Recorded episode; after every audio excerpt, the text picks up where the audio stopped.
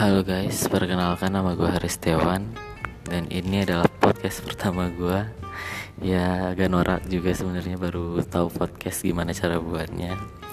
Dan sedikit banyak mungkin apa yang gue sampaikan ini akan sedikit kaku juga Karena gue sebenarnya adalah basis teknik industri. Gue nggak terlalu bisa komunikasi juga Tapi gue harap kalian bisa belajar dari apa yang ingin gue sampaikan saat ini uh, saat ini gue mau sharing-sharing aja sih sebenarnya tentang buku yang kemarin gue baca yaitu komunikasi penjualan menuju pramuniaga juara dari Ciptono Wahyu. Nah buku ini secara garis besar menceritakan bagaimana kita tidak hanya menjadi pelayan biasa, tapi kita bisa menjadi seorang pramuniaga nih, pramuniaga yang dapat uh, menservis customer kita dengan baik dan juga memberikan solusi-solusi yang tepat kepada customer kita. Jadi kalau di episode satu ini mungkin gue akan cerita dulu sih mengenai uh, pelayanan hari ini yang dirasakan oleh Ciptono Wahyu nih. Jadi dia di buku ini tuh sebenarnya dibuka dengan sebuah cerita di mana ada seorang ibu-ibu yang masuk ke dalam suatu toko. Nah, di toko tersebut ibu-ibu itu dikira seorang gelandang oleh seorang security karena pakaiannya yang lusuh.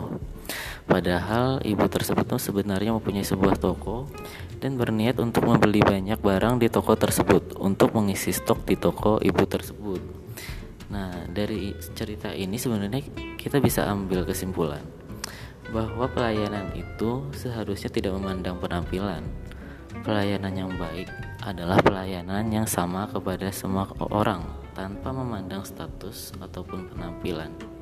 Kita tidak bisa menjudge orang hanya dari penampilannya saja, tapi kita harus memberikan servis kita yang terbaik kepada semua orang. Intinya sih seperti itu.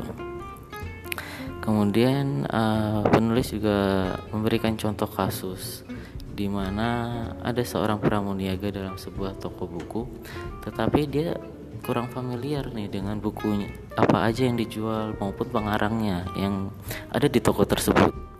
Nah, dari cerita ini juga bisa kita tarik kesimpulan sebenarnya bahwa seorang pramuniaga itu juga harus menguasai bidangnya agar bisa melayani pengunjung dengan maksimal. Seorang pramuniaga itu harus memiliki produk knowledge di mana apa yang ia jual itu mereka harus tahu. Jika seorang pramuniaga saja tidak tahu apa yang dia jual, bagaimana mereka bisa meyakinkan customer-customernya? Jadi selain juga service yang baik, seorang pramuniaga harus memiliki produk knowledge yang bagus mengenai produk yang ia jual.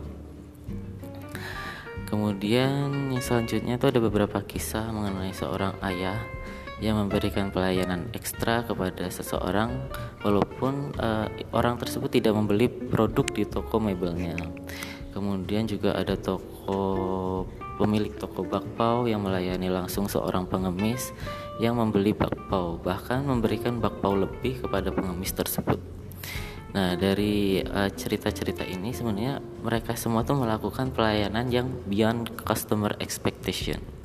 Jadi melayani customer dengan pelayanan ekstra atau beyond customer expectation adalah hal yang sangat penting sebenarnya untuk pramuniaga. Dengan melakukan pelayanan di luar ekspektasi pelanggan, maka akan tercipta pelanggan-pelanggan baru.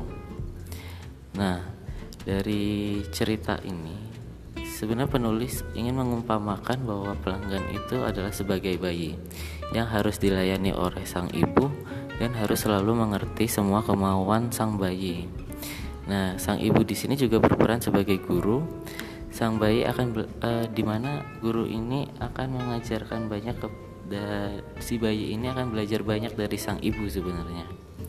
Nah, sama seperti seorang pramuniaga yang harus selalu melayani dengan sepenuh hati agar setiap pelanggan yang datang itu dapat puas dengan pelayanan kita dan akan kembali lagi kepada toko kita. Nah, uh, mungkin sedikit uh, yang bisa gue sampaikan untuk episode pertama ini.